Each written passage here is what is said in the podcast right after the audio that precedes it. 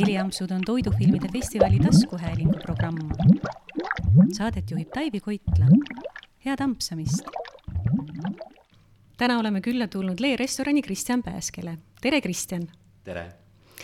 Kristjan, sinust on saanud ausate maitsete ja kvaliteedi sünonüüm ja veel seostuvad sinuga sellised märksõnad nagu julgus, kirg, äh, vahetus, pühendumus. Ja mõistagi teavad inimesed sind ka selliste märksõnade abil nagu veinimaailm, äh, umami, leib, resto, restoran. Sellest räägime, räägime ka kohe, mis erinevus on restol ja restoranil teie jaoks. Loore ja Lee, kus me täna oleme ja muidugi ka Talust koju, millest on nüüdseks saanud siis True Goods äh, nimeline projekt aga, aga enne, kui me neid äh, põnevaid teemasid hakkame äh, täpsemalt lahkama, siis äh, väga ebaoriginaalselt ma tahaksin ikkagi tulla algusesse tagasi ja kuulda seda, et millal ja millest see teekond sinu jaoks üldsegi alguse sai? jaa, noh, ma arvan, et meie kõigi elus on kombinatsioon juhusel, õnnel ja, ja siis soovidel. et kui ma olen tagantjärele ise enda jaoks pilti kaardistanud, siis ma täna tunnetan, et see alguse sai juba kusagil, kui ma olin kolme-nelja-aastane, siis minu elu kõige suurem soov oli jõuluvanaks saada. sest mulle väga meeldis näha äh, inimeste rõõmu, kui ma neile kingitusi viisin. ja, ja ma usun, et minu tänane töö on hästi palju seal nende samade emotsioonidega seotud, et, et mind väga äh, kõnetab äh, maailma ühe kõige edukama restoranipidaja Danny Meyeri, kes on ühtlasi ka siis näiteks Eleven Madison parki loojaks äh,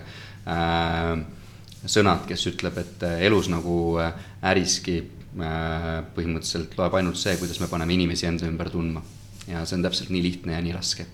ja mulle väga meeldib ja mulle hästi palju pakub hingele see, et minu töö on selline, kus igas ajahetkes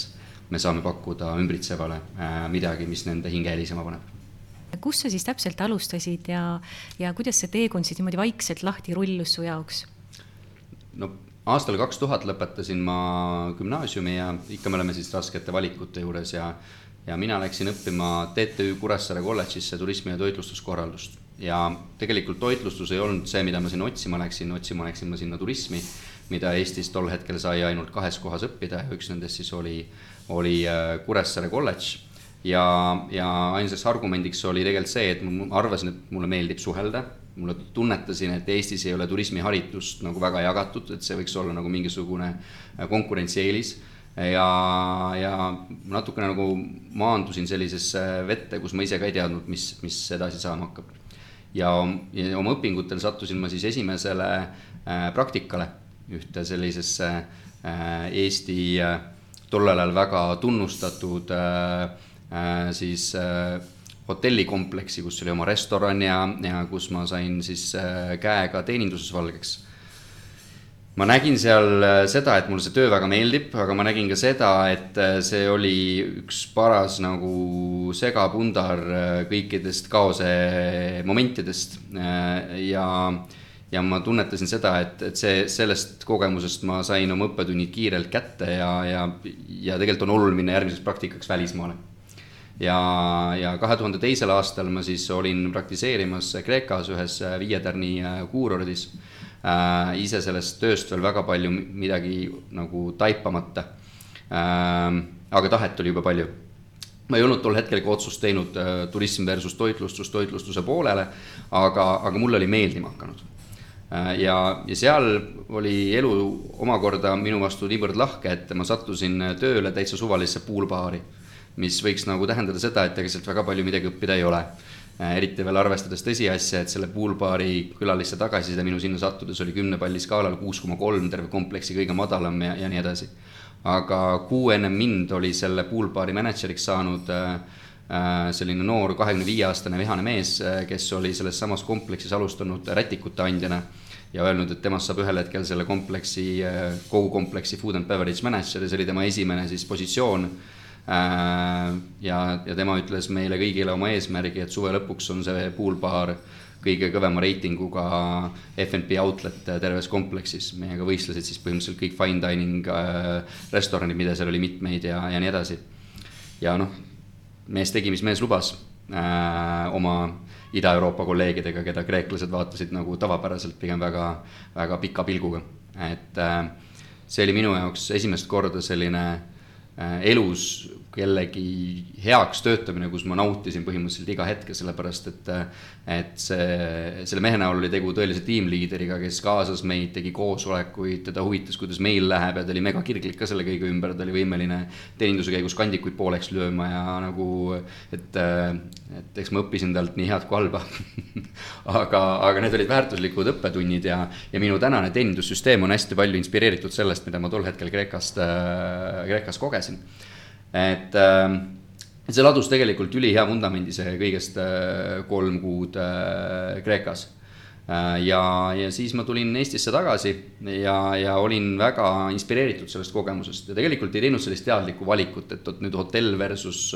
restoran, et restoran on see, kuhu ma lähen. aga, aga ilmselgelt ma olin nagu sõrme ära andnud ja tegelikult äh, Äh, siis juba natukese aja pärast äh, ma kuulsin, et Pädaste mõis otsib endale teenindusjuhti. Äh, ma ei olnud selleks ajaks elu sees käinud ühegi peenes restoranis, see kogemus minu jaoks oli igas mõttes midagi väga uut. aga ma pean olema tänulik Martin Breuerile, kes minus midagi nägi ja, ja ilma nagu tegelikult väga tugevat kogemust omamata ma juba kahe tuhande kolmanda aasta suvel juhtisin Pädaste mõisa teenindust Äh, ja see oli selles osas päris põnev suvi, et äh, sellel suvel äh, kööki juhtis esimest aastat Peeter Pihel, kes siis täna on, ma arvan, Eesti minu jaoks nagu absoluutne lemmik kokkade seas, ei ole üldse saladus. Martin Meikas, kes on täna ööpeakokk, oli minuga koos esimest suve Pädastes ja oli sel hetkel praktikant Ranno Paukson, kes Martin Meikasega koos ööd tegi, oli sel hetkel minu tiimis teenindaja Äh, liikus siis hiljem edasi kööki. et äh, meil oli selline väga tegus äh, tiim. Need olid minu jaoks sellised kolm järjestikust suve, mis olid töö täis igasuguseid kogemusi. aga eelkõige häid aga ka selliseid, kus ma sain aru, et, et mul on endal vaja väga palju õppida ja, ja ka piinlikuid momente, sellepärast et nagu ma selgitasin, ega ma ise ei olnud sellel tasemel väga väga midagi kogenud, aga kui ma selle kiirelt kokku võtan, siis tegelikult teenindus on selles osas imeline protsess, et et me jõuame jälle sinnani tagasi, et sa pead lihtsalt mõtlema, et nagu kuidas sa tahad, et külalised ennast tunneksid ja kui sa paar detaili valesti teed, aga näitad enda südameheadust ja heatahtlikkust, siis tegelikult äh, noh, ega see ju ei loegi nagu äh,, kas ma nüüd selle veinipudeli nii korrektselt avasin. aga ma pean selle ütlema, et mind tegelikult häiris väga see, et ma teadsin äh, veinidest oluliselt vähem kui mu külalised. Äh, ja, ja seeläbi ma saan jälle ääretult tänulik olla Pädaste omanikele, kel mul õnnestus nagu väga kiirelt auk pähe rääkida, et on vaja kinni maksta minu eest äh, sommeliide kursused Tallinnas ja ja, ja sealt algas ka minu selline teadlik äh, veiniteekond, sest ega Pädastesse minnes ma ei teadnud veinist päris ausalt mitte midagi mm. -hmm no see veinimaailma sukeldumine oli ka sulle omaselt äh, nullist sajani, et äh, võitsid väga palju muljetavaldavaid auhindu, et kindlasti on neid veel, aga ma oskan välja tuua sellised auhinnad nagu kahekordne Eesti meister, Baltimaade meister ja Miguel Torrese Veiniakadeemia kaks tuhat kümme võitja kindlasti on neid veel. et kas see omadus, et kui sa midagi alustad, siis sa teed äh, sajaga ja jäta lõpuni, see on sind alati kandnud või see tuli kuidagi nagu läbi nende huvitavate väljakutsete, mis su äh, teele on sattunud ja sa oled iseendale valinud, et kuidas sellega lood on? ma saan siin olla tänulik oma vanematele nagu kindlasti, et äh, ma olen selline lihtne maapoiss, kes juba maast madalast hakkas, hakkas maal tööd tegema ja ega tegelikult maal on ju lihtne, midagi pooleli ei jäeta ja, ja samal ajal äh, kindlasti äh, selles äh, protsessis on, on olulist osa mänginud selline asi nagu tunnustusvajadus. et mm -hmm. see on midagi sellist, mille ma oskan täna nagu väga selgelt välja öelda võib-olla mõned aastad tagasi isegi sain aru, aga ei tahtnud välja öelda, aga täna ma väga selgelt ka julgen seda öelda, et et noore mehena oli, oli vajadus ka see, et, et minu tegevust tunnustatakse ja ilmselgelt nagu kui sa juba midagi teed, siis tunnustust ei tule, kui sa äh, nagu asju ei tee lõpuni ja südamega, et äh, aga, aga minu jaoks on see, et midagi teha siis nagu kirega ja täiega, mu meelest ei olegi nagu üldse vahepealset teekonda, et nagu kas me teeme või ei tee ja kui mm -hmm. teeme, siis juba teeme sa alustasid esimese sammuna restoranimaailmas, kui ma õigesti nüüd tean, koos Janno Lepikuga äh, Leib Restos. Ähm, räägi palun sellest saamisloost ja, ja enne, kui sa selle saamisloo juurde lähed, ava äh, natukene kuulajate jaoks ka kõrvu, nagu sa natukene aega tagasi minu jaoks avasid, et mis siis teie jaoks oli selle sõna resto ja restoran erinevus? no minu taust siis on ju, saigi olema fine dining peale Pädast, et, kiirelt kokkuvõttes äh, äh, tulid sealt edasi äh, kolme hotell Telegraafi toitlustuse juht, juhtimine ja,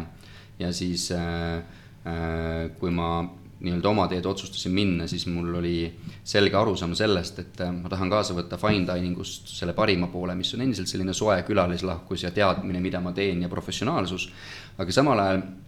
ma tahtsin nagu kõik üleliigse maha keerata, mis on siis nagu valged laualinad, see teatud niisugune posh feeling ja ja, ja võib-olla selline aristokraatlikkus, eriti veel tulles Telegraafist ja tahtsin minna nagu seal väga selgelt vastassuunda, mis tähendab, et selline nagu äh, lihtsus, selgelt arusaadav, mõistat-, mõistetavus ja vähesed barjäärid. Ja, ja me tahtsime anda enda nimega tol hetkel väga selge nagu tunnetuse, et sa ei tule peenesse restorani jah, see ei tule ka pubisse, et kuidas seda nüüd nimetada, et nagu ma arvan, äh, heas mõttes on sama teekonna läbi käinud Kohvik Moon, kes nagu kutsus mm -hmm. ennast algul kohvikuks, aga tegelikult oleme ausad, nad ju kohvik ei olnud, täna nad juba ütlevad enda kohta restorani, ma saan ka sellest nagu ise aru, miks see nii on käinud, ühesõnaga meie jaoks oli see, et, et ei ole restoran, on resto, et nagu anda see tunnetus, et see koht on nagu mõnevõrra, mõnevõrra lihtsam kui siis see klassikaline restoran aga läheme nüüd selle kohutavalt põneva loo juurde, äh, kuidas äh, Leib Resto äh, alguse sai ja milliseid avantüüre te siis ellu viisite sel hetkel? jaa, et äh, ma arvan, see on lugu nagu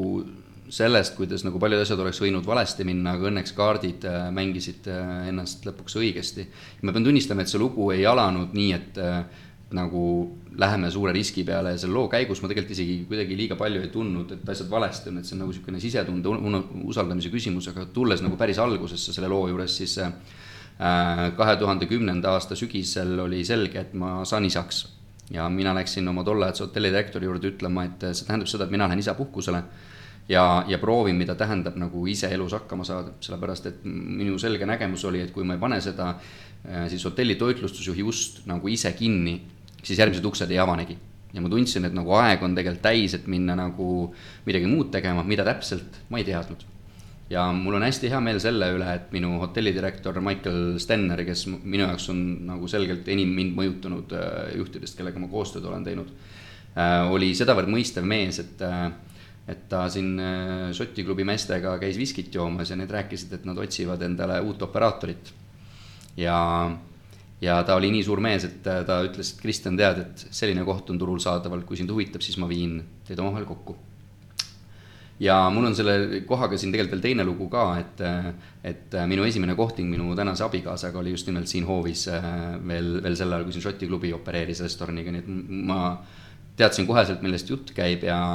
ja mu jaoks oli kogu aeg arusaamatu, et kuidas ei ole õnnestunud Tallinna südalinnas panna niivõrd maagilist hoovi nagu siis nagu nii-öelda uues võtmes uuesti tööle. Šoti klubi kunagi oli suur legend, aga selleks hetkeks ilmselgelt selline mõnevõrra väsinud äh, oma, oma kontseptsioonilt. ja, ja siis äh, põhimõtteliselt äh, tuli hakata kirjutama kontsepti, et äh, ja ja mina kirjutasin kontseptina leiva valmis, sest et äh, ühelt poolelt oli mind mõjutanud väga selgelt Pädaste kogemus, kuidas äh, nii-öelda talust jõudis äh, kaup lauale ja ja minu selge nägemus oli, et Eestis peab samamoodi saama, kui mujal maailmas saab. ja, ja kui täna tegelikult mul on hästi hea meel, et Tallinnas on mitmeid restorane, kes saavad oma juurviljad ja palju liha kohalikelt talumeestelt, siis paraku kümme aastat tagasi oli see pigem haruldus äh,. väga erinevatel põhjustel Äh, ja pigem ka oli seotud selles, kuidas restoranimad kir-, omanikud kirusid kokkasid ja, ja koka, vabandust, kuidas kokad kirusid äh, siis talumehi ja talumehed omakorda kokkasid, aga aga ühesõnaga äh, siis pikk jutt lühikeseks selle koha pealt tuleb täna, täna ma tean, et meiega koos kandideerisid siia kinnisvarasse väga tunnustatud söögikohtade operaatorid ja mingil imelikul kombel Šoti klubi juhatus otsustas meie kasuks läbi väga tugevate intensiivsete vaidluste. nii et ma saan olla väga tänulik nendele, kes siis panid oma usalduse selle kahe nii-öelda vähem tuntud tüübi peale, aga seda teist tüüpi Jannot veel ei olnud tegelikult pundis, et, et minu kontsept oli valmis kirjutatud ja ma olin ka välja öelnud selle, et et minuga koos on äh, väga tugev kokk Eesti mastaabis, aga ma ei saa ta nime välja öelda ennem, kui me võitnud oleme. sellest, et äh, Eesti on sedavõrd väike, et tema tänasele tööandjale kindlasti ei meeldi teadmine, et tema kokk otsib elus äh, teist teekonda. ja ma olin tegelikult sel hetkel rääkinud läbi juba kahe erineva sõbraga ja tegelikult sealt veel edasi kolmandaga, et nagu, et seda asja koos siin teha aga kui asi jõudis nagu siis sinnani, et nagu tuleb päriselt äh, pangalaenu võtta ja tuleb panna enda tulevik äh, kaalukausile, siis äh, siis nemad minuga kaasa otsustasid mitte tulla. Ja ma ei saa seda neile üldse pahaks panna, aga paraku ma olin sellises olukorras, kus me istusin väga hästi selgelt, mäletan, oli aprillikuu, mm, mul pidi olema järgmisel päeval lepingu allkirjastamine siin,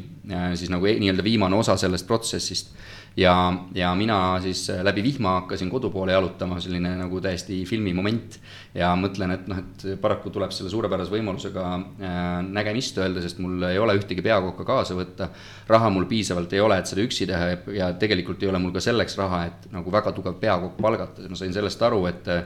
ainuke viis, kuidas ma saan jätkusuutlikult seda äri pidada, on see, et kui mul ikkagist tuleb kööki partner, kes vastutab sama palju kui mina teise poole eest ja seeläbi võtab maha selle rahalise surve peakoka äh, poole pealt ja teisalt äh, ei lähe nagu pooleteist aasta pärast minema, kui tal võib-olla millegist ära tüdineb. ja, äh, ja siis ma jõudsin Telegraafist kodu poole astudes Fish and Wine'i vaateulatusse, kus siis Janno tol hetkel peakokk oli ja Janno aga me olime kohtunud mõned aastad äh, varem projektis, kus äh, tema oli just Londonist naasenud äh, selline noor kokk ja aitas ühte lounge'i avada, mis oli sel ajal siis mingi aasta oli kaks tuhat seitse, Eesti kõige populaarsem majaveetmisvorm. ja, ja mina siis olin tol ajal kolmes öös toitlustusjuht, aidates nende teenindust nii-öelda kõrvaltööna. ja, ja mul, mul nagu, mind Janno toit niivõrd kõnetas, et ma mõtlesin, et see mees teeb lihtsat toitu, aga pagan teeb vist isegi paremini kui meil nagu meie kokad seal kolmes ões nagu, et mulle meeletult meeldis tema käekiri. Ja, ja siis ma jalutasin kodu poole, mõtlesin, et kõik kaardid on käest kadunud, et et Janno oli küll selline pigem noh, Londonist tulnud täpselt selle Londoni käekirjaga mees, kellega ma nagu, kelle peale ma olin varem mõelnud, aga siis kiirelt nagu lahti lasknud sellest mõttest, et esiteks mees, keda ma päriselt ei tunne ja teiseks tundus niisugune äkiline tüüp. Aga seal ma siis jalutasin ja mõtlesin, et mul rohkem midagi kaotada ei ole, et ma niikuinii olen ütlemas ei sellele lepingule, ma helistan Jannole ja Jannoga läks jutt hästi kiirelt telefonis, tema ütles, et tema on juba poolteist aastat endale nagu oma kinnisvara otsinud, et äh, saame kokku. saime siis järgmise päeva hommikul Telegraafi sviidis kokku, kus ma talle leiva kontsepti tutvustasin, sest et noh, see oli juba lukus äh,. siis ta arvas, et noh, kui nii, siis nii ja, ja siis me tulime jalutades Telegraafist siia siis nii-öelda kinnisvara vaatama. me olime siinsamas akna all, kui helises minu telefon Šoti klubi siis äh, poolsete esindajatega, et kes soovisid minuga kohtuda, et lepingu viimaseid detaile ja koostööd arutada. mille peale mina sain ainult öelda, et väga tore, mul on nüüd peakokk ka kaasas, saan teda teile tutvustada ja, ja nii me siis äh, kokku saime, pidasime umbes kahetunnise koosoleku ka kinnisvara esindajatega ja meil mõlemal Jannoga hakkas nagu kiire, pidime juba tööle tagasi minema, me läksime mm -hmm. siitsamast uksest välja. Meil oli umbes sada meetrit, mida me saime koos jalutada. Äh, ja siis läksid juba teed lahku ja see umbes oli selline, et noh, mis siis saab, teeme ära või ei tee. Janno ütles, muidugi teeme. siis me nagu arutasime, palju meil on võimalik kummagil nagu raha sisse panna. siis äh, mõlemad leppisime kokku, et asume hankima ja, ja ja sealt me enam tagasi ei vaadanud ja põhimõtteliselt võib öelda, et sellest, selle kohtumise ja uste avamise vahe oli suurusjärgus kaks pool kuud. kas sa mäletad neid esimesi nädalaid ka, kui te olite teinud leiva uksed lahti? Jaa, noh, tegelikult oli see igas mõttes nagu avamine, mida ei tohiks olla, sellepärast et meil oli ka raha põhimõtteliselt sel päeval otsas, kui me uksed lahti tegime, meil oli pangakontol äkki mingisugune tuhat viissada, kaks tuhat eurot et äh, kogu raha kulus siis põhimõtteliselt selleks, et teha mingisuguseid väikeseid muudatusi, mida me ka suuresti ise tegime. Äh, siin mul isa oli kõvasti abis ja, ja nii edasi. aga,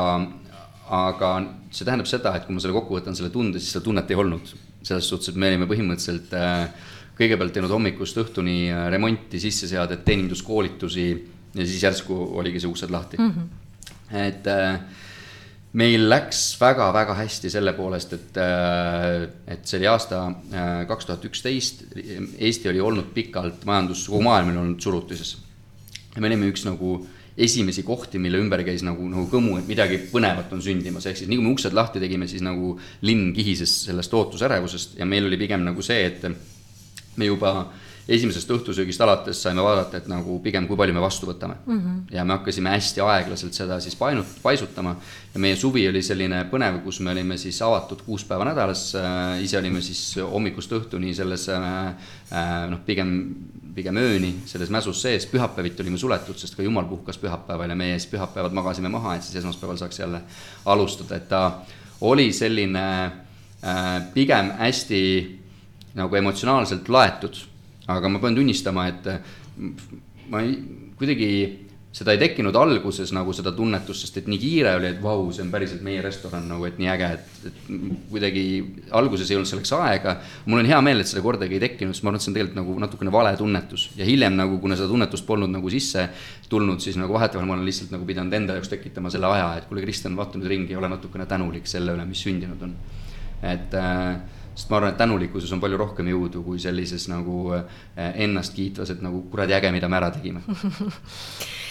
äh, me tuleme leiva juurde varsti tagasi, aga äh, hüppame nüüd järgmise äh, projekti juurde või tegelikult on, projekt on natukene liiga vähe selle kohta öeldud, et, et Jannoga järgmine suurem koostöö oli teil Umami mm. -hmm räägi veidi sellest saamisloost ka, et kuidas siis selleni jõudsite ja paralleelselt siis suutsite mitut asja elus hoida? jaa, noh, eks see lugu algab sellest, et meil hakkas natukene igav. et äh, heas mõttes, et äh, siin läks kõik väga turvaliselt ja kiirelt ja kergelt tööle. ja juhtus mitte ainult see, et meil hakkas nagu igav äh, Äh, et midagi teha ei olnud, vaid ka nagu juhtus teine asi veel, et äh, me tundsime, et äh, leib on hästi tugeva kontseptiga seotud see on see kodumaised käerauad, mis meile, mille üle me olime nagu heas mõttes uhked sest et meile väga meeldis see tugev side talumeestega ja see, et me teame, kust toorne tuleb, aga teisalt see nagu andis nagu vähe võimalusi selle menüüga olla loominguline. ja siis me otsustasime, pagan, me tahame teha teise koha kus nagu piire ei ole meie jaoks, kus nagu jah, me võtame selle porgandi kodumaiselt talumehelt ja kui me saame, siis ka liha, aga samal ajal teeme, mis tahame. ja, ja siis me hakkasime selleks kontseptiks kohta otsima. ja, ja tegelikult tuli välja, et jube raske on. et, et ja siis Janno leidis ühe, ühe toreda kolmekümnendate villa imelikus kohas Mustamäel bussipargi vastas ja, ja tegelikult see ei olnud üldse listitud kui äriproperty, vaid see oli listitud kui elumaja äh, rendile andmiseks. Ja me võtsime omanikega ühendust, et kuulge, äkki teil võiks olla huvi, et seal oleks hoopis restoran. Ja siis tuli välja, et omaniku kaasal oli olnud nagu salaunistus nagu juba aastaid, et sellest võiks restoran saada. Ja siis ja võib-olla see ka natukene lihtsustas seda protsessi, et et, et nii ta läks, et, et seal oli palju palju mudimist, et see kõik, kõik asjad omavahel kokku saaks, aga, aga kaks tuhat neliteist me siis äh, avasimegi äh, Umami Mustamäel, mis tundus paljudele kõrvalt vaadates selline väga imeliku kohta minemine. aga me ise olime tegelikult võib-olla isegi natukene võib-olla totralt enesekindlad, aga meil oli megasuur parkla, mis ilma selleta me poleks kindlasti hakkama saanud. me tegelikult ju asusime äh, ühtepidi Mustamäe, Nõmme ja -hmm. Õismäe vahel Mm -hmm. ja kesklinnast ei olnud meie juurde ka pikk tee. ja meil oli nagu üks ägedamaid õunaaedu või noh, ma arvan, õunaaedadest raudselt, kus toitu saab, Tallinna mm -hmm. kõige ägedam, et. et me ise nagu uskusime, et, et siit võiks nagu asi õigesti liikuma hakata ja meil on hästi hea meel, et Umami sellise nii-öelda naabruskonna söögikohana läks ikkagist väga kiirelt õitsele, et. et Umami oli selline keskmiselt sihukene üle neljakümne tuhande külalise aastas, mis on, mis on sellise naabruskonna söögikohta, ma arvan, väga märkimisväärne number kas Umamit avades te teadsite ka, et see olukord kaua ei kesta ja mingil hetkel on majaga sellised äh, fataalsed plaanid, nagu, nagu juhtus? jaa, meil oli isegi lepingusse sisse kirjutatud mm. nagu lepingu lõpetamise tingimused erinevateks aastateks, aga tegelikult oli sellega selline olukord, et tolleaegne kinnisvaraomanik ütles meile, et teate, et ma tahan selle kinnisvara eest nii palju raha saada, et mina ei usu, et keegi seda ostab. et, et noh, võite ennast suhteliselt muretult tunda, et aga noh, aeg näitab. ja noh, ühel hetkel kinnisvara hakkas niimoodi buumima, et, et, et, et see absurdne summa oldi valmis talle välja makstama ja siis hakkasid meie jaoks protsessid milleks me teadsime, et me võib-olla peame valmis olema, hakkasid lihtsalt äh, tööle, aga minu meelest on see jälle üks nendest näidetest, kuidas nagu elu tegelikult äh, võtab ja annab, et me me, me, meie jaoks avanesid kohe järgmised uksed mm, -hmm. sellepärast et, äh, et kui nüüd veel, veel lõpuni aus olla, tegelikult äh, samal ajal, kui me Umami läbirääkimisi pidasime, pidasime me läbi rääkimisi ka aadressil Peetri kaksteist, kus täna asub Loore mm. -hmm. sest juba tol ajal selle kinnisvara hoonestusõiguse omanik mõtles läbi, kuidas sinna restorani teha. aga see ei läinud tal õiges suunas liikuma ja sinna me siis oma teekonnaga tol hetkel ei saanud. aga Indrek Kasela nägi sotsiaalmeediast, et Umami uksed sulgevad ja küsis, et kuule, et äkki tahate tulla vaatama seda Peetri kaksteist kinnistut, kus temal on hoonestusõigus ja me jõudsime tegelikult täpselt sinna tagasi, kus, kus ka siis umami-eelsed läbirääkimised olid. ja, ja meile meeletult see võimalus sümpatiseeris ja, ja me tegelikult lõime Indrekuga käed ülikiiresti, et, et leida siis meeskonnale uus kodu. ja kogu see protsess äh, on minu meelest olnud ülitore, kuidas meil õnnestus leida siis äh, nagu teekonnal õiged peatuspunktid, et sel hetkel, kui me pidime Loorest välja kolima, õnnestus meil veel korraks saada Kalasadamas äh, hästi tore majakene rendile suveks, et oma meeskonnale tööd pakkuda ja mis seal salata, ka ise vilja talveks äh, viljakorvi koguda ja, ja siis, ja siis sügisel juba liikuda edasi täiesti, täiesti uues asukohas sellesama meeskonnaga, aga juba värske ja uue looga mm. -hmm see oli selles mõttes hästi hea pehme maandumine ka teie äh, austajatele ja klientidele, äh, sest et see umami kinnipanek äh, murdis ikkagi väga paljusid südameid ja, ja see õunaaia laiali lõhkumine, ma imestan, et suurejoonelisi pikette ei korraldatud, aga see, et te sinna vanasse Klausi ja praegu on siis see Sabin audiobaar, tegite vahepealse sellise noh, nii-öelda sellise leinaperioodi, et saaks nagu rahulikult hüvasti jätta umamiga, see, ma arvan, leevendas hästi palju nende inimeste jaoks, kes väga armastasid äh, seda kohta seal äh, Mustamäe, Nõmme ja Õismäe äh, kolmnurgas, kui nii võib öelda aga räägime loorest ka paari sõnaga, et mis see loore nimetus tähendab või kuidas üldsegi loore tekkis um,? Ja, ja, võib-olla ka selles paari sõnaga, et, et, et oli ju tegelikult ka variant äh, umami uuesti nii-öelda tuhast tõsta ja teha siis uues kohas uus äh, kontseptsioon, et, et otsustasite täiesti uue koha teha, et räägi natuke nendest mõtetest ka põhimõtteliselt äh, Loore kontseptsioon sarnasena oli meil nagu taskus umbes kaks aastat varem juba, et me mõtlesime, midagi sellist võiks teha. samas me oleme Jannoga kogu aeg olnud ka selles seisukohas, et nagu mingeid nagu mõtteid me põrgatame, aga me ei taha kasvada liiga suureks, et äh, meie jaoks on hästi inspireeriv, kuidas äh, siis Siigur Grupi poisid jaksavad ja tahavad laieneda. Äh, ja see on nende teekond ja nad on selles väga-väga edukad. minu teekond ei ole samas selline nagu nii suur kiire laienemine, sest mulle meeldib, et me suudame nagu rahulikult enda DNA-d äh, paljundada ja siis meil endal on nagu võib-olla elu natukene, sünergia on selline nagu rahulikum, mis mulle endale äh, rohkem, rohkem sobib ja, ja sellest lähtuvalt sellist kohta nagu otseselt ei sündinud, aga me oleme juba palju nagu omavahel fantaseerinud, kuidas me nüüd teeksime seda uut kohta. ja nüüd, kui me saime selle uue kinnisvara kätte, siis põhimõtteliselt ütlesin kohe Hannole, kuulge, siin me ei too Umamit, et nagu nüüd on aeg nagu, et, et jätame Umami maha ja tegelikult nagu Janno ei vajanud veenmist üldse mm. -hmm. et äh, me olime nagu väga kiirelt äh, ühel joonel sellega, et, äh, et, et teeme siis, teeme siis selle uue, mida me oleme arutanud, mis enam ei ei ole niivõrd äh, nagu ei, ei flirdi nii palju Aasiaga, mis on natukene rohkem vahemerelisusest inspireeritud, aga endiselt on nagu tegelikult inspireeritud meie toidureisidest. aga jällegi aeg on vahepeal edasi läinud, et me oleme nii palju rohkem näinud ja, ja nüüd nagu äh, on aeg hakata rääkima uut lugu ja seeläbi ka uue nimega ja me hästi äh, nagu teadlikult tegime kõigepealt ka selle valiku, et, et see ei ole siis restoran, vaid on bistroo ja siin võib ka nüüd nagu palju nagu, nagu siis kõnelda, et mis see bistroo on, et meil eestlastena on siis on ju bistroo rohkem selline kandiku lõunakoht, tegelikult samas, kui me jällegi läheme Prantsusmaale, siis bistroo eelkõige tähendab kogukondlikku kohta, kus toit on lihtne, saad kiirelt süüa ja, ja samal ajal kõik on maitsev ja, ja tore. ja, ja me tahtsime, meie jaoks see bistroo just nimelt seda tähendabki, et, et meil on, meil on hästi arusaadavad maitsed, see on ühelt poolt lihtne, teisalt maitserikas, lihtsalt arusaadav äh, ja, ja kogukondlik. Me väga selgelt lõime endale eesmärgiks, et me tahame olla selle piirkonna selline inimeste äh, kogunemispaik ja teeme endast parima, et see, see sobituks sellesse skeenesse, olla just nimelt see koht, äh, mis sobib äh, nii, nii pulmadeks kui ka lihtsalt kaasaga istumiseks nagu igas erinevas võtmes ja siin on nagu selline huvitav konflikt sees, et mulle tavaliselt käivad need kohad endale närvidele, kes tahavad kõiki asju olla, sellepärast et kui sa tahad kõiki asju olla, siis tavaliselt ei ole mitte midagi. ja seal me siis oleme, ütleme, et aga tead, me tahamegi meeldida laiale spektrile ja, ja samas teha seda piisavalt isikupäraselt, et mitte olla igavad ja, ja see on siis see, mida me oleme tegelikult Loores teinud ja see nimi on sündinud tegelikult siis sellest, et meil üldjoontes nimed tulevad päris kergelt, nagu need sümboliseerivad meie jaoks midagi ja me, minu jaoks on ülioluline lugude rääkimine mm. -hmm. et äh, seda õpetas mulle Pädaste väga selgelt, kui oluline on lugude rääkimine, sest et siis ma süstematiseerin enda jaoks, miks see on oluline ja sealt läbi oma meeskonna jaoks, sealt edasi külaliste jaoks, ma annan sellele asjale tähenduse läbi selle loo. ja Loore lugu oli olemas, aga nime ei olnud. ja siis me siis nagu olime reaalselt hädas, et nagu mida nüüd selle nimega pihta hakata ja siis äh, meie disainiagentuur, kes aitas meil nagu erinevaid asju teha,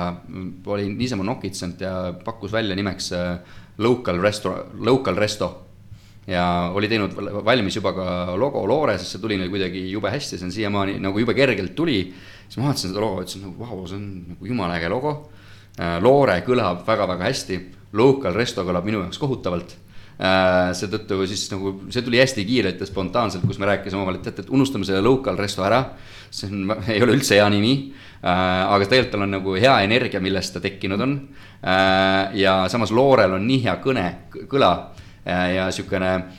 nagu heas mõttes nagu selline naiselik äh, Äh, energia ka küljes, et, äh, et äkki ta on siis nagu kahe mehe sihukest nagu meesenergiat väga hästi tasakaalustav nagu naiselikkuse poolega ja. ja, ja me jäime sellele Loorele nagu põhimõtteliselt äh, klõpsti truuks ja nii, nii see nimi sai ka Loore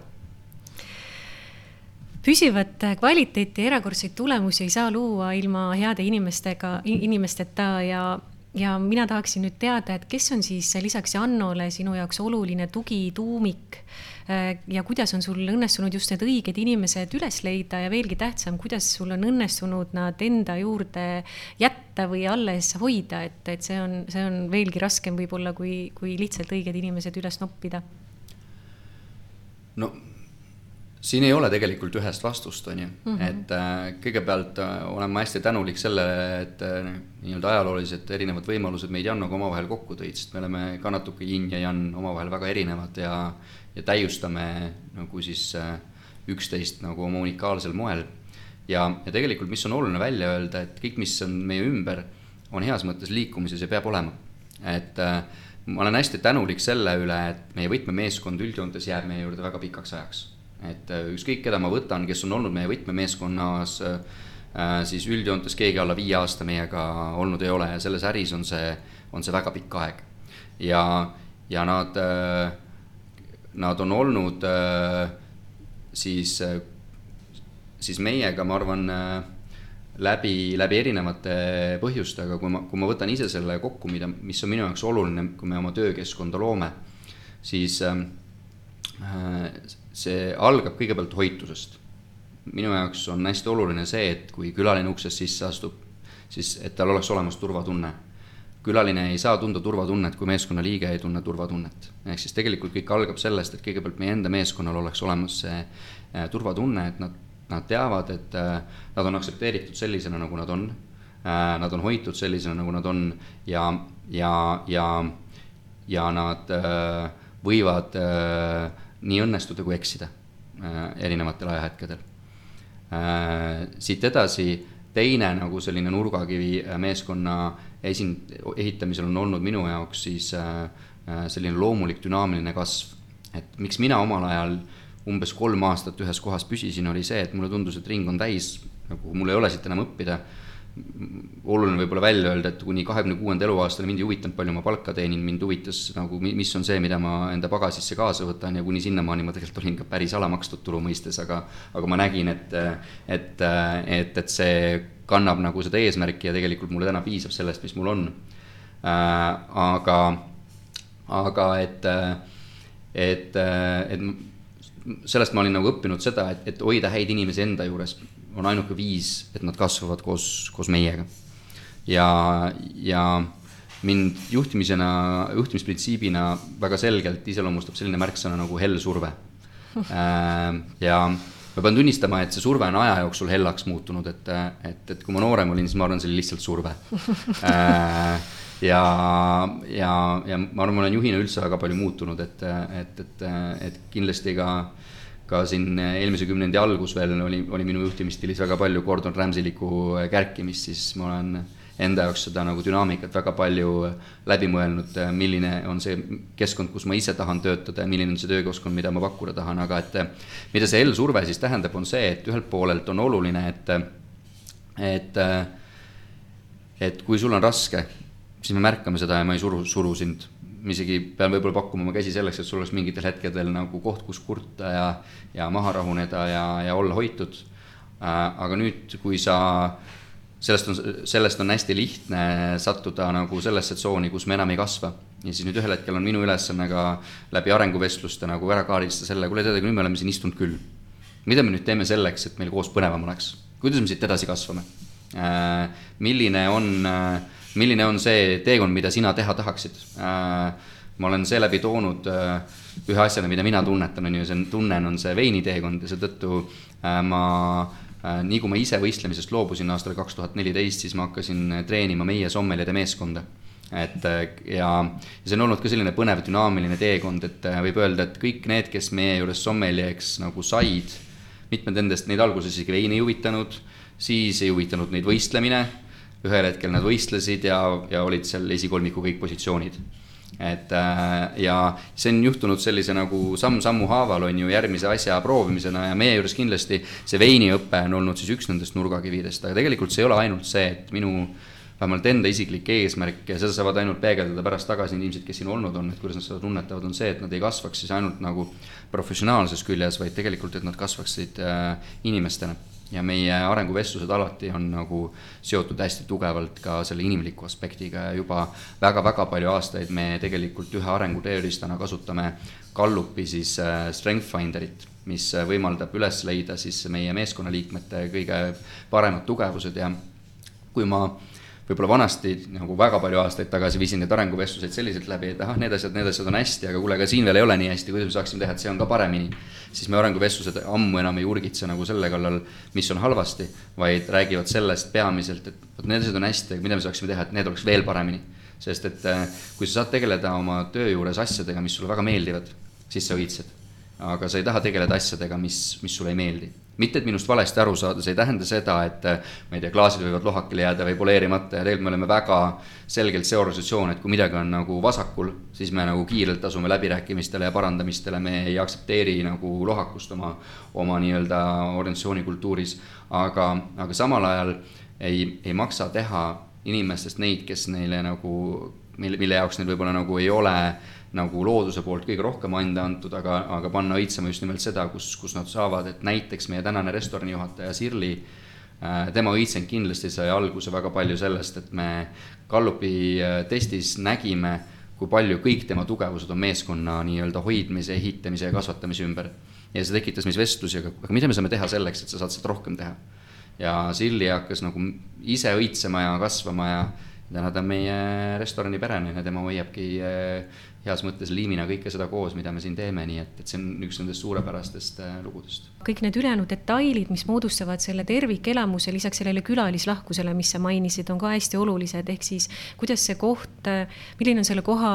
sisekujundus, milline on see lõhn, milline on valgus, mis heli sealt tuleb ja isegi on oluline see, et kas tualett on korras või mitte, et kõik need aspektid, pluss veel ka nõud, millest me pärast ka veel hästi natukene räägime, äh, mängivad olulist rolli, et kuidas, kuidas sa seda orkestreerid või kes teil selle eest vastutab, et, et see on ka ikkagi ülisuur ja mahukas töö, et sellel pidevalt silma peal hoida, et kolmsada kuuskümmend kraadi kõik toimiks. Eks see on heas mõttes äh, väljakutse nagu igas, igas päevas, et äh,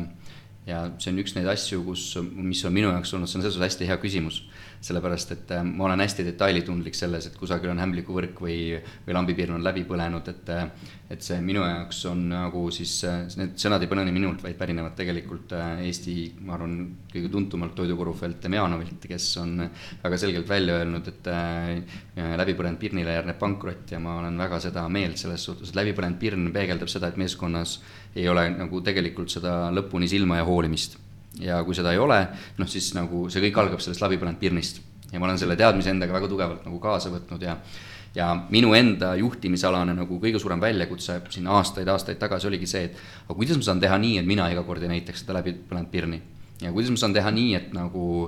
et mina ei ole see, kes kogu aeg räägib, et nagu seal suitsukoni ja seal see ja seal see, et, ähm, et äh, ja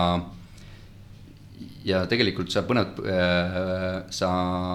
puudutasid siia saabudes, kui sa mäletad nagu väga hästi, et ei pea teemat, et ei, et kõik ei peagi mikromanageerimise nagu teemal tegema, siis ma arvan, ma olin väga tugev mikromanageerija nagu äh,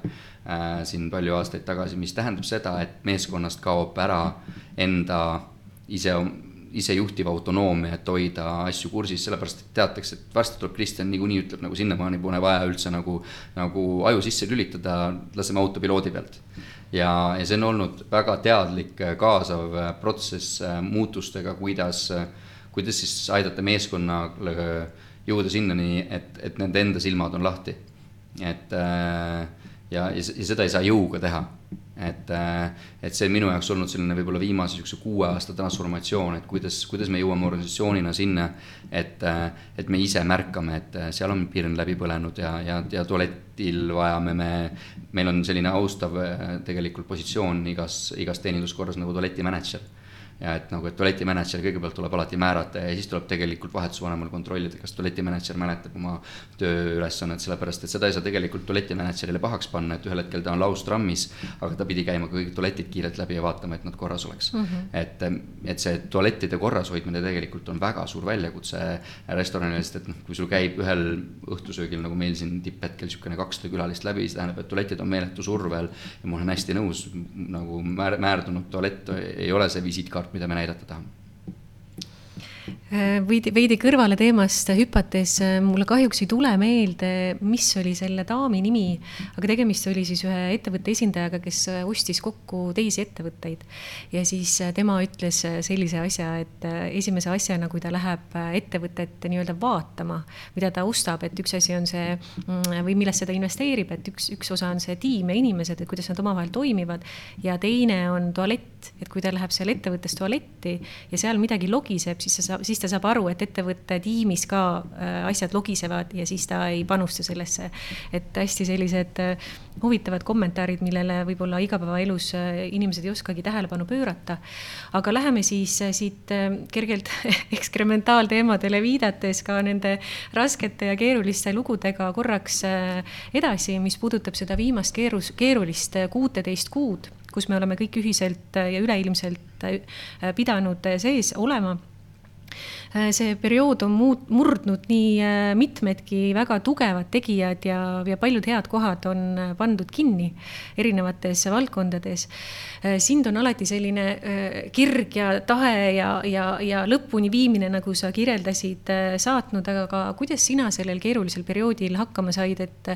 sellel perioodil, mis oli kõigi jaoks ju uus ja ootamatu, tuli rinda pista väga, väga paljude väljakutsetega, et vastuolulised sõnumid valitsuselt, siis pidev valmisolek muuta muutusteks, siis rahaline baas, vaimne tervis, töötajate heaolu, et kuidas sina enda keskmes püsisid ja, ja, ja kuidas see olukord teie jaoks äh, oli toona ja jätkuvalt tegelikult natuke tuksub ju edasi ka?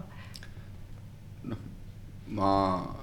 mul on hea meel see, et me oleme Jannoga koostöös olnud suhteliselt tugeva talupojamõistusega kõigepealt nagu neid asju teinud, et et äh, me ei olnud äh, siis äh, kõike kogutud äh, dividendidena läbi hekseldanud, vaid, äh, vaid me olime nagu ka raskemateks aegadeks valmis. teisalt äh, noh, see stressidest oli ikkagist nagu nii-öelda ettevõtte just nimelt majanduslikule tervisele meeletu, on ju, et mm, -hmm. et sa ei saa olla selleks valmis, et sa paned oma uksed kinni ja siis lihtsalt nagu maksad edasi, sest et noh, kui me võtame, kuidas restoranid toimivad, siis nagu restorani kogu ärimudel baseerub ka väga paljuski sellel, et, et täna saan äh, täna saan äh, külaliselt raha, aga väljapoole hakkan seda maksma isegi kuni kuuse viivitusega. ja nüüd, kui äh, panna nagu see, et nüüd ühel hetkel sa paned uksed kinni ja siis sul tuleb tegelikult poolteist kuud, kuud järjest nagu arveid sisse, siis sul võib olla väga arvestatav hulk äh, raha kontol, aga sul tuleb veel poolteist kuud suures ulatuses arveid, et see noh, eks ilmselgelt raamatupidamine andis seal nagu tõepildi ette, et, et ellu me jääme nagu selles esimeses matsus, aga see saab olema nagu väga äh, julm maandumine. meile väga-väga vedas eelmisel aastal sellega, et see sulgemine oli kevadel, mitte sügisel mm. -hmm. selles suhtes, et me pidime kinni olema ainult mõned kuud ja siis me saime uuesti hakata raha teenima ähm, me, ma pean tunnistama, et kui sa küsid minu enda vaimset tervist, siis ma arvan, sellega ei juhtunud suurt midagi selles suhtes, et et see oli selline hoog, kus tuli lihtsalt nagu kogu aeg midagi teha, tuli kogu aeg reageerida ja seal ei olnud nagu muud teha, kui lihtsalt nagu, nagu iga päev oli täis nagu mingit uut komponenti, millega tuli siis jälle hakkama saada ja ma nagu ei ole selline oma tüpaažilt selline nagu liiga süüdistav, et ah, mis, miks nad nii, nii tegid või miks nad naa tegid, nagu tuli reageerida ja tuli, tuli siis nagu midagi teha, on ju, et. ja meid hoidis kohe alguses päris hästi tegevuses siis äh, talustkoju.ee toidupood, mille me lõime põhimõtteliselt äh, kaks nädalat äh, kriisis sees olles ja siis panime nädala ajaga püsti ja, ja sealt edasi järgmine nädal juba oli, kui esimene nädal oli siis Exceli põhine, sealt edasi nädala hiljem oli ta juba tegelikult täitsa veebipoena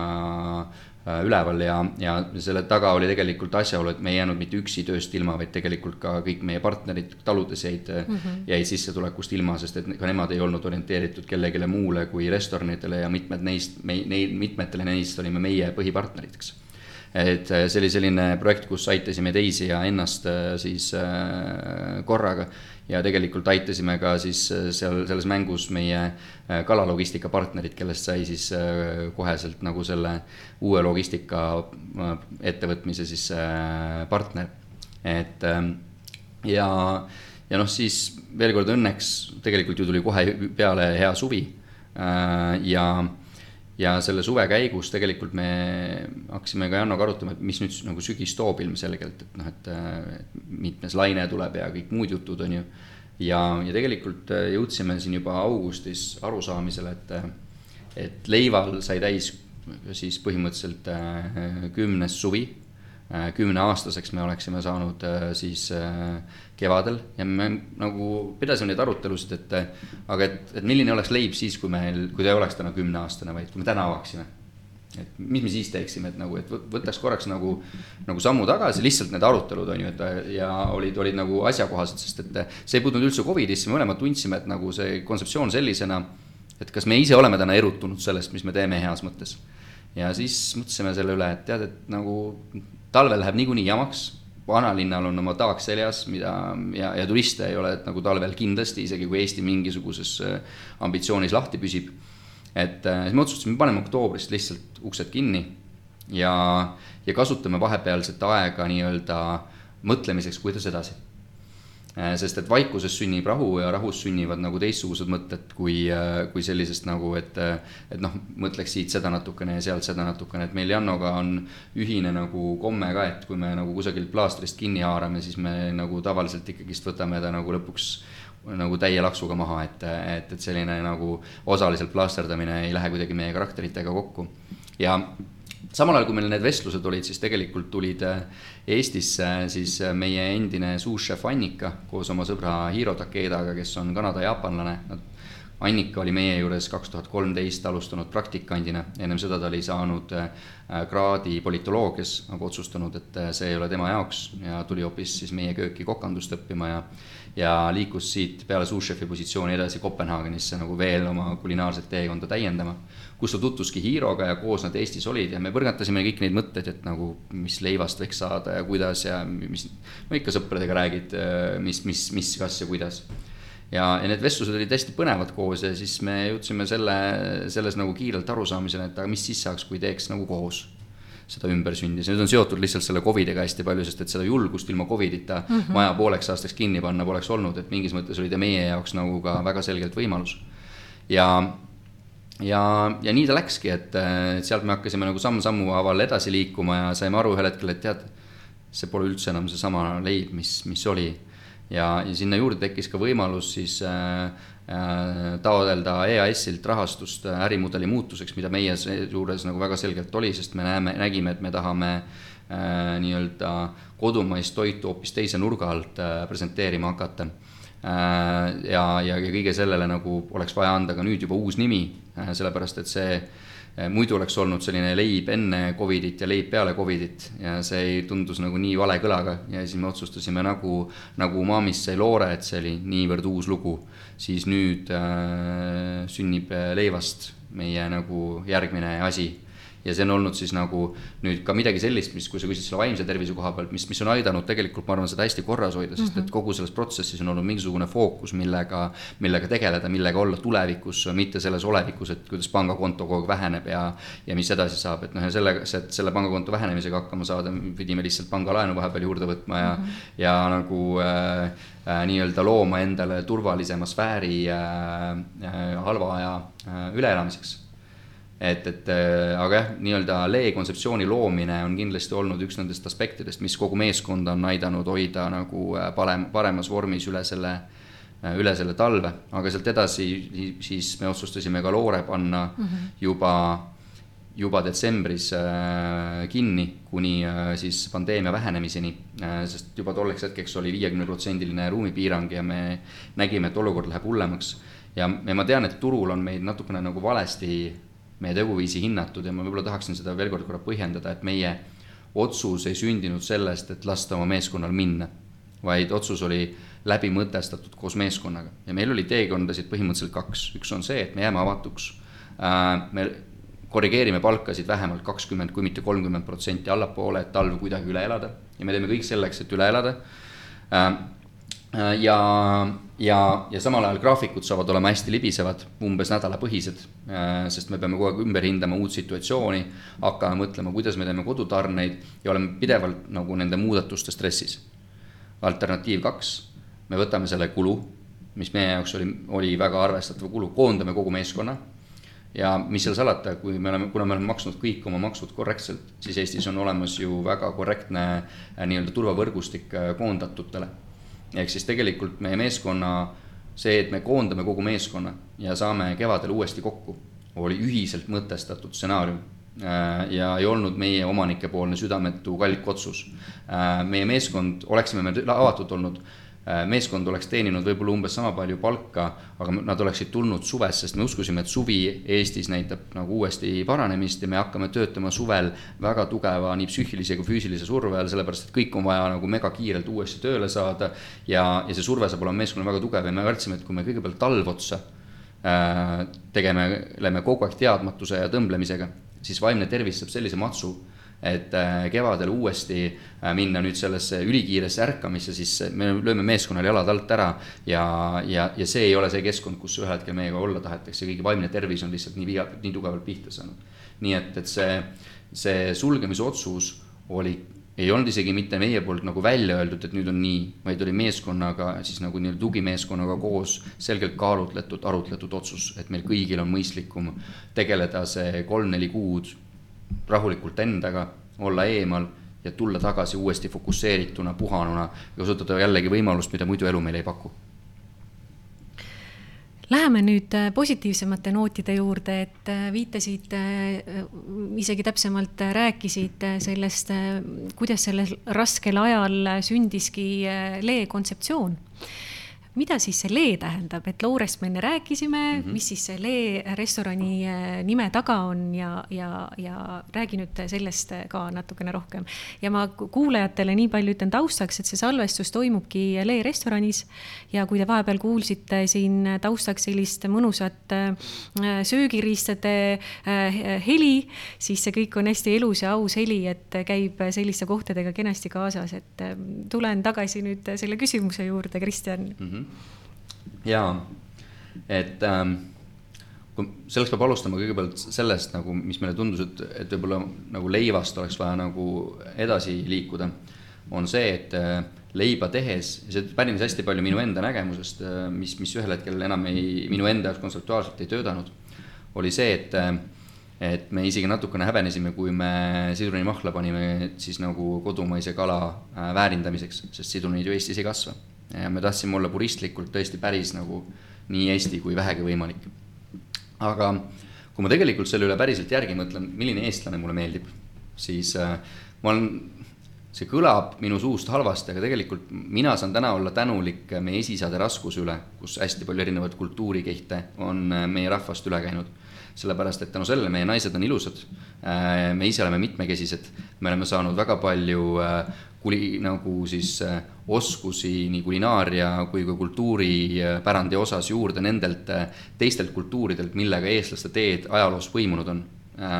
ja selle kõige käigus me oleme selle ilusa eestluse suutnud alles jätta. et minu silmis nagu e midagi, eestlus on midagi sellist äh, nagu alati läbi aja põimuvat äh, oskuslikult, kus ta jätab enda üdi alles, aga laenab nagu juurde seda, mis, mis teda rikastab. Ja ma näen tegelikult ka tänast nagu seda nagu multikultuurset mõne jaoks ohtu, minu jaoks võimalust täpselt sarnasena. ja siis ma hakkasin mõtlema ka, et me oma köögis samal ajal tahame olla nagu kuidagi väga puristlikud. et, et tegelikult oleks aeg nagu siis äh, hinnata neid võimalusi, mis äh, täna maailmal on pakkuda et Eesti äh, toorainet veelgi ägedamalt esile tõsta. ja sealt nagu sündis meil koos nagu see vestlus, et, et, et see järgmine tulek oleks siis selline, kus me heas mõttes väärindame kodumaist toorainet äh, parimaga, mida muul, muul maailmal pakkuda on. nii oskuste kui ka maitsete põhiselt ja, ja, ja see eristabki täna väga selgelt siis nagu leiva ja lee käekirja, et kui leib oli selline nagu väga puristlik, siis lee on hästi mänguline, ei võta ennast, ennast nii tõsiselt äh, ja siis äh, rikastab kodumaist toorainet äh, nii-öelda rahvusvahelise oskuse ja maitsetega ja äh, nüüd teine pool sellest leest siis, et lee tegelikult nimena tähendab siis seda iidset tuleaset, kus kogukond äh, kogunes. mida ta meie jaoks sümboliseerib, siis mitte elaval tuleval küpsetamist, vaid midagi nagu laiemat, see on see, kuidas me laua taga sööme kogukonnana ja, ja lee kõige kesksem söögikogemus, mida meie tahaksime pakkuda, tegelikult on lee-elamus. ja lee-elamus meie juures süües tähendab seda, et te lihtsalt ütlete, kas teil on mõni allergia äh, või siis meil on täiesti vabad käed ja me äh, pakume teile läbilõiget oma menüüst, nii et te ei pea mitte millegi peale mõtlema ja lihtsalt toit saabub laua keskele jagamiseks, äh, sest et sellest tekib jällegi nagu see energia, et proovi seda, maitse seda, kuidas sinul see, minul see nii, äh, versus nagu lihtsalt enda taldrikus oma asja ajamine. ja, ja, ja tegelikult äh,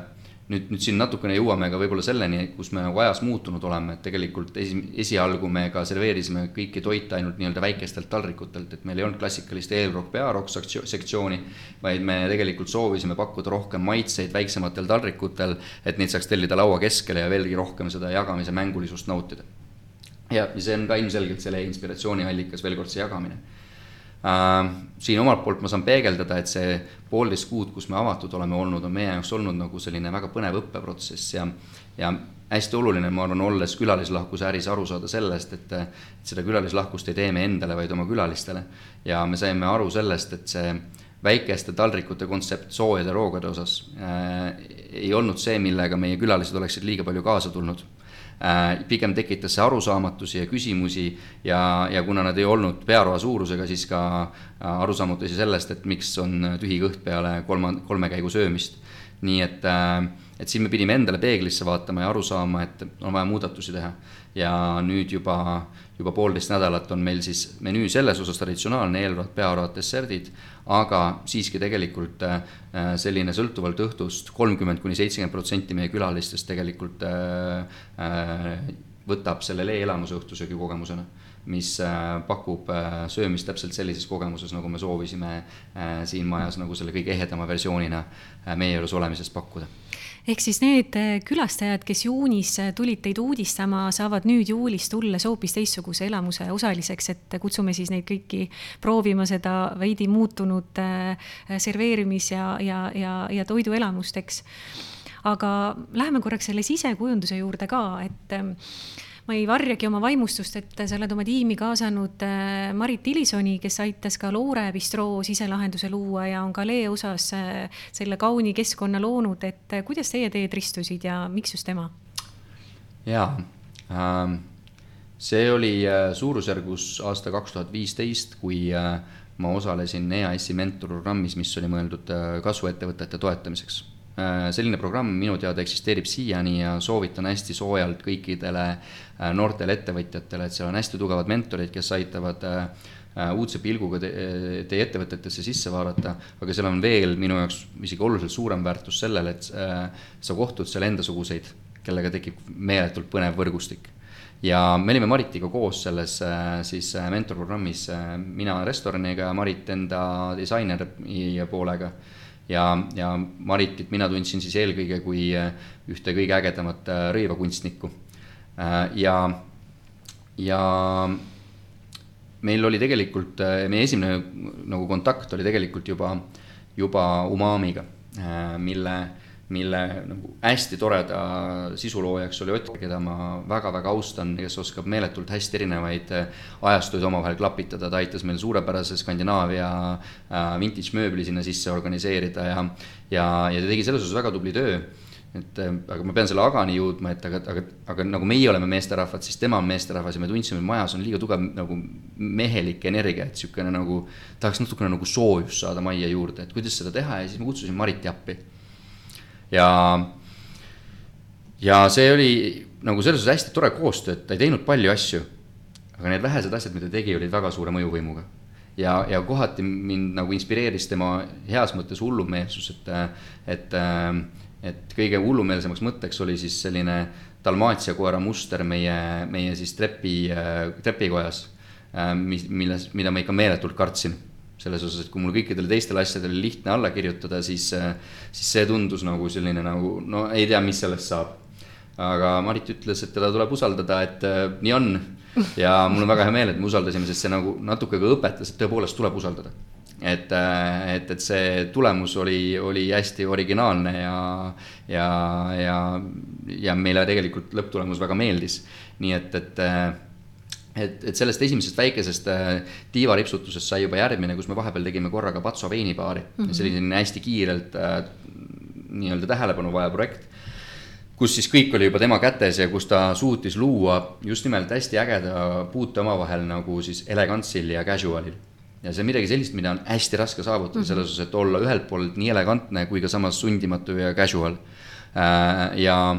ja siis, kui see Loore meieni tuli, siis me Jannoga juba vaatasime nagu väga selgelt, et, et, et Marit oleks väga tore nägemus ka selles osas, et, et,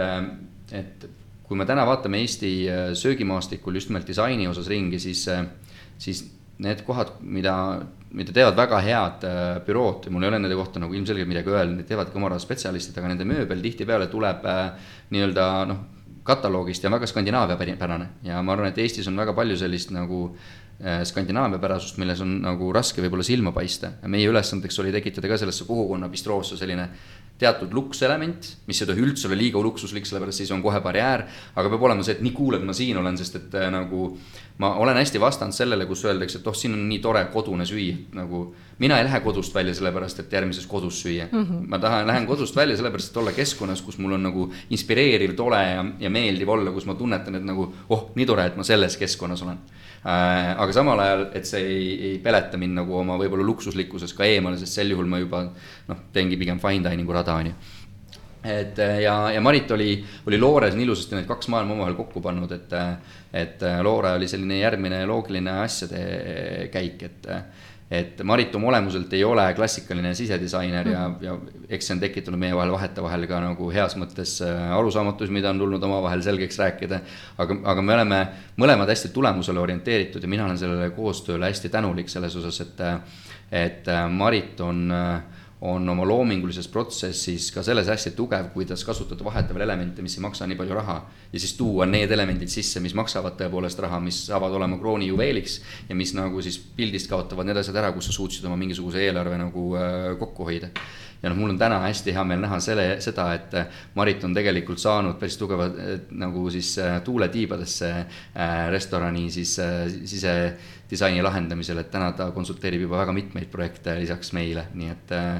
et ma usun, et et Eesti on leidnud väga võimeka nii-öelda siis abikäe selleks, et luua just nimelt selliseid kontsepte, mis eiravad võib-olla sellist standardset tavapärasust mm. -hmm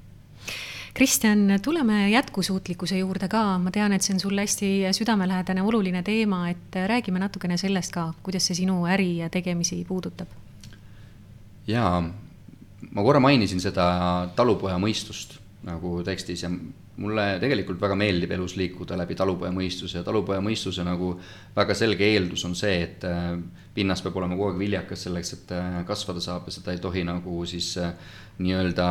üheks hooajaks üle vaat-, väetada, et saada sel hooajal palju vilja ja võib-olla järgmised kolm-neli ja siis, ja siis vaadata ühel hetkel, et põld on rikutud. et ja, ja, ja seeläbi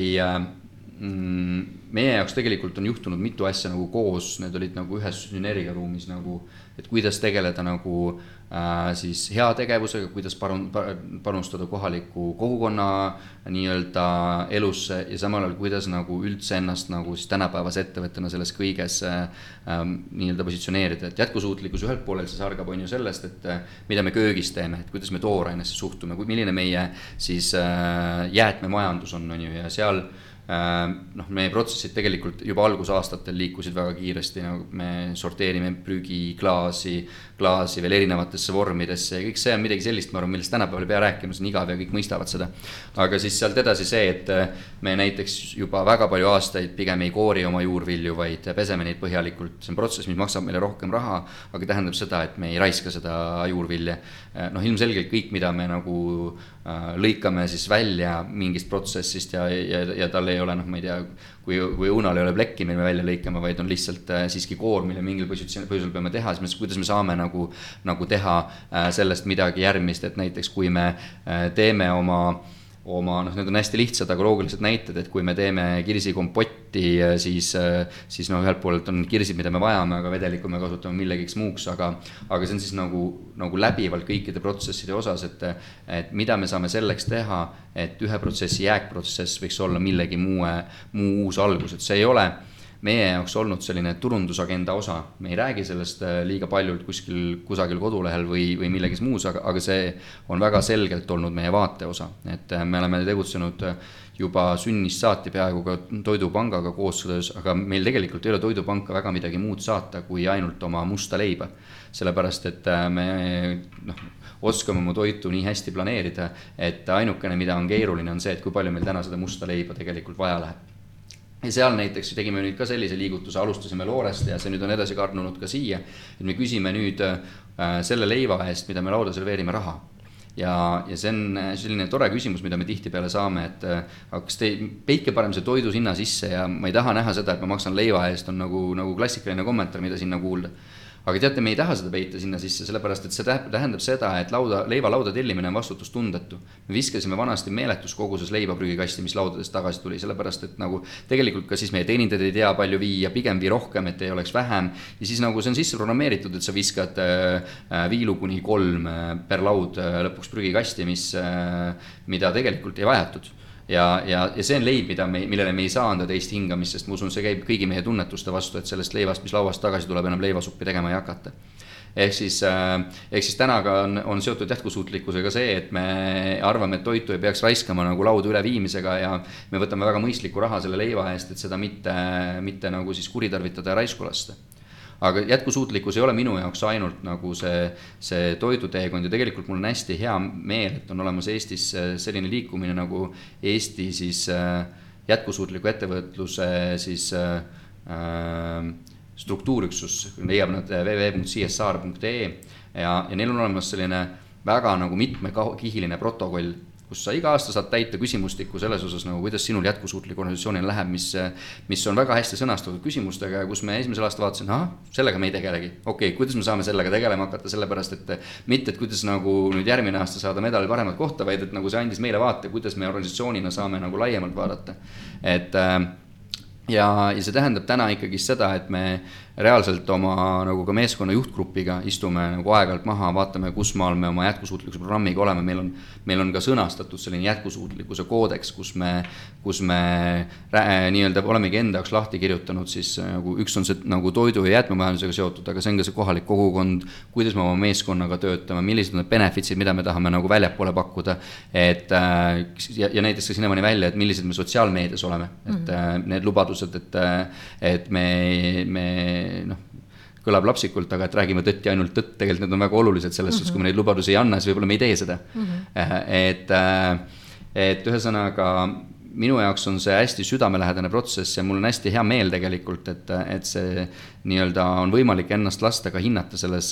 CSR.ee nii-öelda ettevõtmisesse ja mul täna väga tahaks julgustada teisi külalislahkusettevõtteid selles programmis osalema, et meie oleme täna oma valdkonnas ainuke ettevõte, kes, kes seal medali peal on ja ma arvan, et see küsimus ei ole see, et me oleksime ainsad, kes seda väärt oleks. vaid ma arvan, lihtsalt paljud ei ole ka selle protsessiga kaasa läinud, et ennast, ennast hinnata. ma just nimelt tahaksin esile tuua selle väärtust, et kui sa ise hakkad ennast hindama, siis sa õpid neid uusi protsesse, kus teha paremini. ja, ja, ja meie jaoks on see teekond, mis ei saa kunagi otsa, et et noh, siin meie järgmine samm, mis on päris keeruline meie enda jaoks, et et äh, Loore nagu üks kõige suuremaid hitte on äh, tuunikala sashimi. ja see on toit, mille üle mul on süda-verd jooksnud juba, juba aastaid ja me oleme Jannoga nagu selle üle rääkinud, nagu olles siis nagu selles positsioonis. nojah, aga et ega me üksinda seda maailma siis ju ei muuda, aga samas nagu kui meie ei muuda, kes siis muudab, nagu see klassikaline nagu dialoog tegelikult ja me nüüd otsustasime et jah, see suvi on meie jaoks hästi oluline, sealt pandeemiast tulles inimesed leiaksid üles oma vana lemmiku. aga see on viimane suvi, kus äh, tuunikala meie juures on väga pikka aega et me nagu oleme nagu, me tajume enda vastutust selles ettevõtmises ja, ja me saame jah aru, et, et kui meie tuunikala nagu menüüst välja võtame, siis äh, maailma mered ei saa tuunikalast rikkamaks, aga, aga vähemalt me ei osale selles protsessis, miks mm -hmm. nad ja, ja tuunikala protsess ei ole ju ainult nagu tuunikalade kadumine maailmamerest, vaid see tuunikalade ülepüüdmine on seotud nagu siis äh, protsessiga, kus väga palju muid kalu jääb võrkudesse ja lihtsalt hukkuvad ja nii edasi, et ühesõnaga me oleme otsustanud, et näiteks meie selles protsessis enam ei osale ja sügisest alates meie enam tuunikala ei serveeri et ähm, ja näiteks noh, kõik meie kalad, kaasa arvatud see äh, tuunikala, mida me müüme, on, on siis, on siis selle MSC sertifikaadiga, mis tähendab seda jätkusuutlikku püüdmist, aga samal ajal siin ma nagu ütlengi, et nagu no kurat, mis sertifikaat see on, kui sa üldse mm -hmm. tuunikalale saad MSC mm -hmm. sertifikaadi, see nagu tuunikalal ei tohiks seda sertifikaati mm -hmm. ollagi. et me saame nagu väga selgelt sellest aru ja, aga aga me ei räägi näiteks ka isegi oma kodulehel väga tugevalt seda jätkusuutlikkuse lugu sel põhjusel, et tead, kui päris aus olla, siis ükski restoran ei saa lõpuni olla nagu jätkusuutlik, et kui me räägime sellest, et jätkusuutlikkusest, et meie kõigi jaoks on ainult üks maakera ja kaardistame nagu mitut maakera meil läheb vaja enda vajaduste täitmiseks, siis paraku restoraniga on nii, et selleks, et vähemalt meie oskaksime restorani äh, täna pidada äh, nii, nagu me teeme, siis meil läheb rohkem vaja kui üks maakera ja me peame enda vastu ausad olema ja seetõttu me ütleme, et me saame olla vastutustundlikud selles osas, mida me teeme. ja me tõesti hindame vastutustundlikkust ja proovime teha endast parima. aga, aga me peame ka ausad enda vastu olema, et see ei ole lõpuni jätkusuutlik, sellepärast et ka sedasi, nagu meie täna restoranina opereerime, eh, ühel hetkel enam restorani opereerida ei saa. ja see on päris niisugune karm protsess. Kristjan